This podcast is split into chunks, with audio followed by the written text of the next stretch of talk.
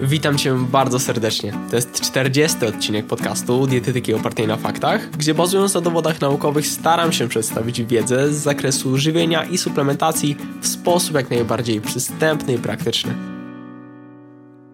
Niestety wokół wyobrażeń co do pozytywnych efektów, jakie ma nieść za sobą rzekomo głodówka, narosło naprawdę wiele mitów. Dzisiaj postaram się to zagadnienie omówić, odnosząc się do popularnych, obiegowych przekonań na jej temat, przy czym zwracając uwagę także na te negatywne efekty, jakie może za sobą nieść, bo należy być ich świadomym. Niestety niekiedy entuzjaści różnego rodzaju postów w swoich opisach i zaleceniach obok całej gamy zalet, właściwie często naciąganych, półprawdziwych lub nawet fałszywych zalet, zapominają wspomnieć o wadach i zagrożeniach. Zapraszam do materiału.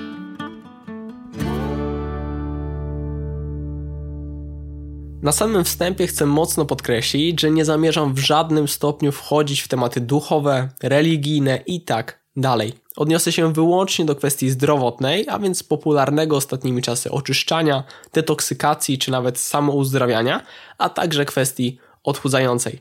A więc sytuacji, gdy ktoś robi taki post czy głodówkę, by być zdrowszym lub chce schudnąć. Jak na wstęp jeszcze przystało, należałoby temat zdefiniować, bo choć wydawać się to może dość logiczne, to dobrze mieć w tym zakresie jasność.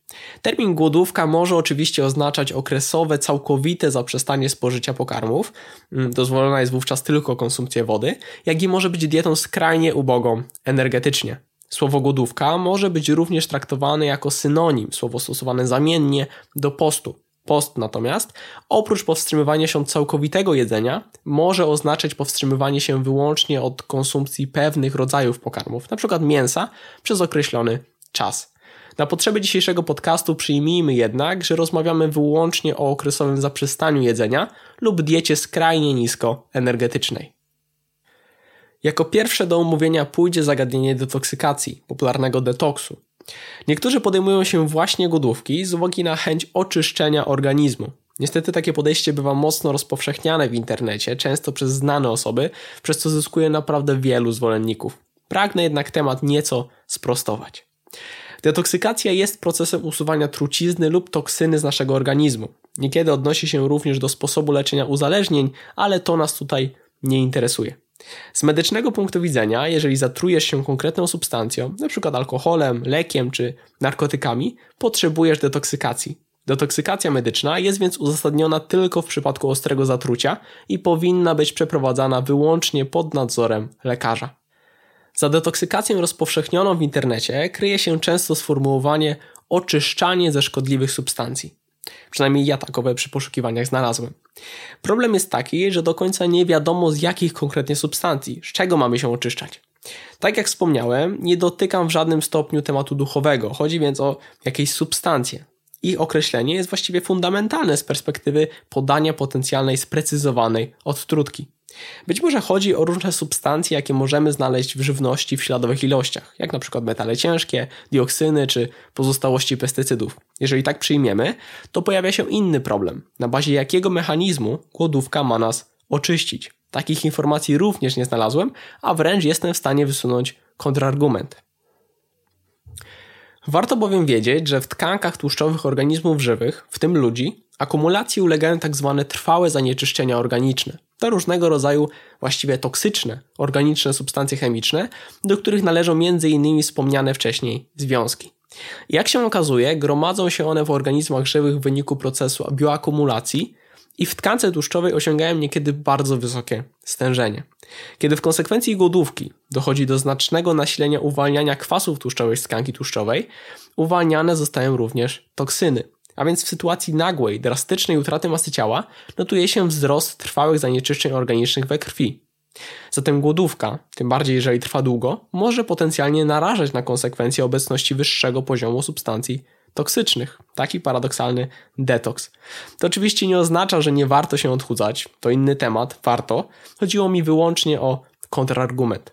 Ale wracając do tematu, czy rzeczywiście potrzebujemy takiego detoksu? Nasze ciało ma wbudowany system detoksykacji. Nasze nerki czy wątroba pracują nieustannie, aby usunąć szkodliwe substancje. Oczywiście niektóre aspekty żywieniowe mogą mieć wpływ na funkcjonowanie tych narządów, przy czym fundamentalne jest tu prawidłowe odżywienie organizmu. Jeżeli przestaniemy jeść, to możemy wprowadzić go w stan niedożywienia. Tym bardziej, jeżeli mówimy o diecie bardzo niskoenergetycznej stosowanej przez dłuższy czas. Taka dieta będzie niedoborowa w białko, witaminy czy składniki mineralne. Znacznie lepszą i rozsądniejszą strategią jest zadbanie o odpowiednie odżywienie organizmu, wysoką podaż warzyw i owoców czy produktów pełnoziarnistych. Zdrowa dieta i prawidłowa masa ciała to aspekty, za które wątroba, jak i ogólnie cały organizm będzie wdzięczny.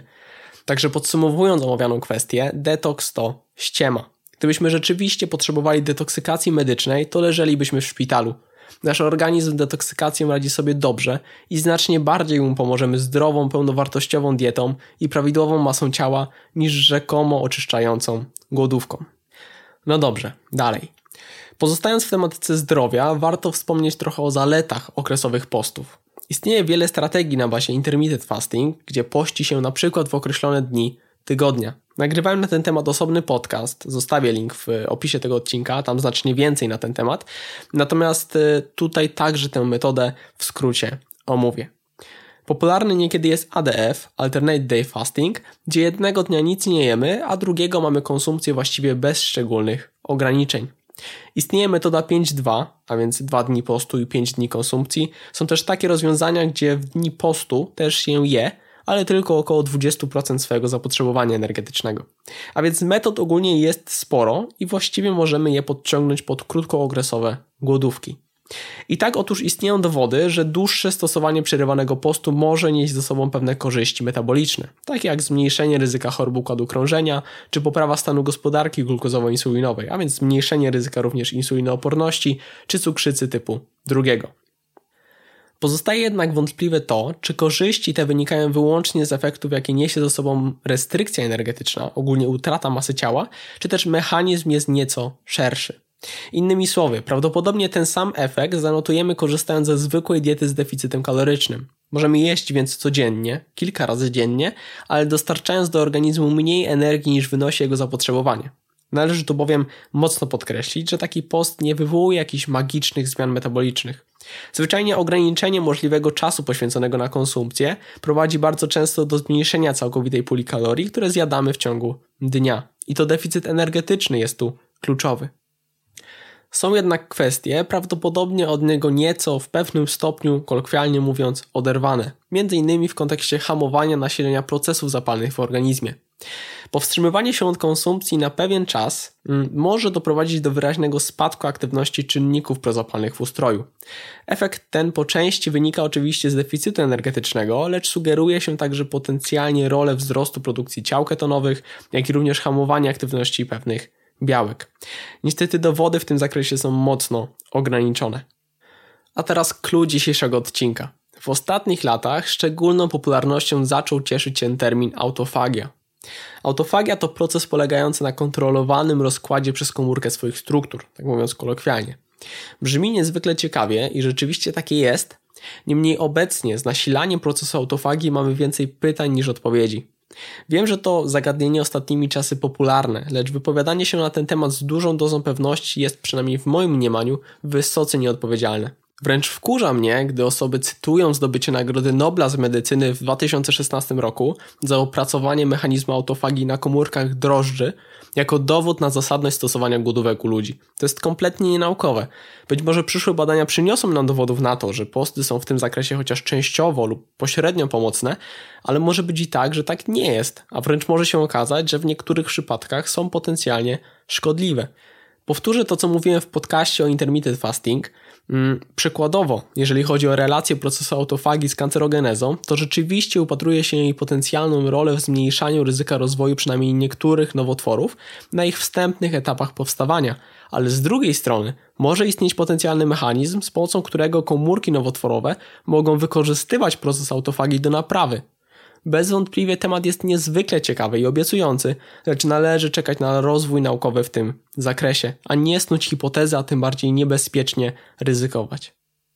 Na dzień dzisiejszy wiemy, że zdrowe odżywianie oparte na warzywach, owocach, pełnoziarnistych zbożach, zdrowych tłuszczach, ogólnie zdrowa dieta oraz utrzymanie prawidłowej masy ciała, a więc unikanie nadwyżki energetycznej i nadmiernego zatłuszczenia, jest podejściem, które zmniejsza ryzyko mnóstwa chorób i może przedłużyć nam życie.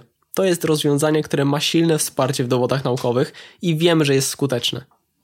Głodówek w kontekście zdrowotnym nie przekreślam, ale wiemy na ten temat obecnie zbyt mało. A ponadto, niestety takie posty mają wiele wad. Mogą zwiększyć ryzyko zaburzeń miesiączkowania u kobiet, zaburzeń gospodarki żelaza, zaburzeń hormonalnych, niedoborów pokarmowych, mogą zmniejszać odporność, koncentrację, zdolności wysiłkowe, prowadzić do gorszego samopoczucia, zmęczenia czy różnych zaburzeń psychicznych. Ogólnie całe spektrum konsekwencji w związku z niską dostępnością energii.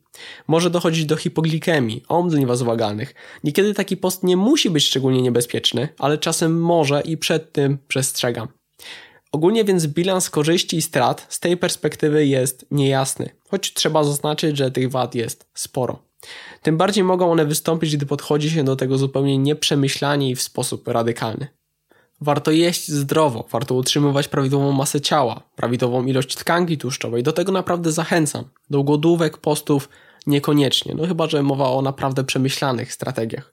Wiem, że niektórzy poszukują świętego grala, ale naprawdę nieprzemyślana głodówka może nam przynieść więcej szkody niż pożytku. Zachęcam do długotrwałej zmiany nawyków żywieniowych, czegoś co jest nudne, wymagające cierpliwości i konsekwencji, ale niezwykle skuteczne. No dobrze, a teraz temat odchudzania. Zaczynając od kwestii racjonalnej, to istnieje wspomniana wcześniej przeze mnie metoda intermittent fasting i jak się okazuje może być ona skutecznym sposobem na odchudzanie. W badaniach naukowych takie posty przerywane wykazują się skutecznością, choć co trzeba zauważyć, niekoniecznie wyższą skutecznością niż zwykła dieta odchudzająca oparta na ciągłym deficycie energetycznym każdego dnia. Okazuje się, że w badaniach porównujących post co drugi dzień do ciągłego deficytu długofalowo średnia utrata masy ciała nie różniła się istotnie. Podobnie jest z innymi metodami, efekt jest porównywalny, bo ponownie chodzi tu o deficyt energetyczny. A więc wybór rozwiązania to kwestia bardziej preferencji czy możliwości, bo zapewniając ten sam deficyt, różnic dużych nie będzie. Zwyczajnie taka strategia musi komuś pasować. Niektórzy stają się naprawdę głodni i ciężko jest im założenie utrzymać. Innym taka metoda po prostu odpowiada. Choć dodam, że w badaniach naukowych odsetek rezygnacji, porzucenia zasad diety był znacznie wyższy w grupie z postem niż na zwykłej diecie odchudzającej. Zwyczajnie to musi naprawdę komuś pasować. Ponadto trzeba znać jeszcze wady postu w stosunku do typowego odchudzania, w kontekście np. syntezy białek mięśniowych czy godzinowego deficytu energetycznego, o czym więcej mówiłem w podcaście o intermittent fasting. Inną kwestią jest próba nieprzemyślanego wykorzystania głodówek, postów do odchudzania w ramach kary za podjadanie lub ogólnie jako próba szybkiego odchudzania. To jest akurat totalnie złe podejście. Głodówka nie jest rozwiązaniem, bo wpędza w błędne koło. Napad obżarstwa, głodówka, napad obżarstwa, głodówka i w kółko. Takie podejście nie dość, że prowadzi do niekorzystnych zmian w składzie ciała, to buduje tragiczną relację z jedzeniem i prowadzi do zaburzeń odżywiania. Tak radykalne restrykcje praktycznie nigdy nie są skuteczne długoterminowo. Skuteczne i trwałe odchudzanie wymaga zmiany nawyków żywieniowych i odpowiedniego podejścia. Przypomnę, że na ten temat napisałem całego e-booka Skuteczne odchudzanie, czyli kompleksowy poradnik dotyczący redukcji tkanki tłuszczowej. Zostawiam do niego link w opisie odcinka i przypominam kod rabatowy podcast pisany przez C. No dobrze, dochodząc do konkluzji. Detoks to ściema i próba oczyszczania organizmu głodówką nie jest dobrym pomysłem. Przemyślany okresowy post może natomiast nieść za sobą korzyści, jak m.in. zmniejszenie ryzyka chorób układu krążenia czy cukrzycy typu drugiego, lecz podobny efekt uzyskamy wprowadzając zwyczajną dietę z deficytem energetycznym. Post może mieć jednak również wiele wad i warto je znać oraz na nie uważać, tym bardziej gdy trwa on długo lub powtarza się często. W tematyce autofagii dużo jeszcze nie wiemy i z wielką dozą sceptycyzmu podchodziłbym do stwierdzeń, jakie niekiedy można znaleźć w internecie. Tym bardziej, gdy ktoś zaczyna cytować Nobla z 2016 roku. No chyba, że rozmowa dotyczy drożdży. Jeżeli chodzi o odchudzanie, okresowy post może być metodą równie dobrą, co zwykła dieta odchudzająca. To musi komuś zwyczajnie pasować. No i trzeba jeszcze na koniec podkreślić, że nieprzemyślana głodówka może nieść za sobą naprawdę wiele negatywnych dla nas konsekwencji. Jeżeli ten odcinek był dla Ciebie wartościowy, koniecznie daj mi o tym znać. Udostępnij proszę podcast na Instastory, zostaw komentarz. Jeżeli słuchasz w serwisie Apple Podcast, oceń podcast wystawiając opinię. Dzięki temu będzie on mógł trafić do szerszego grona i być może ktoś, kto zwyczajnie nie był świadomym, że detoks wcale nie jest nam potrzebny, a głodówka ma wiele wad i może być niebezpieczna, zobaczy podcast i nie popełni błędów żywieniowych, które mogą się odbić na zdrowiu.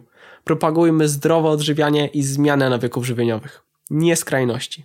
Dziękuję, że dotrwałeś bądź dotrwałaś do końca. To już tyle ode mnie. Do zobaczenia, do usłyszenia już niebawem. Hej!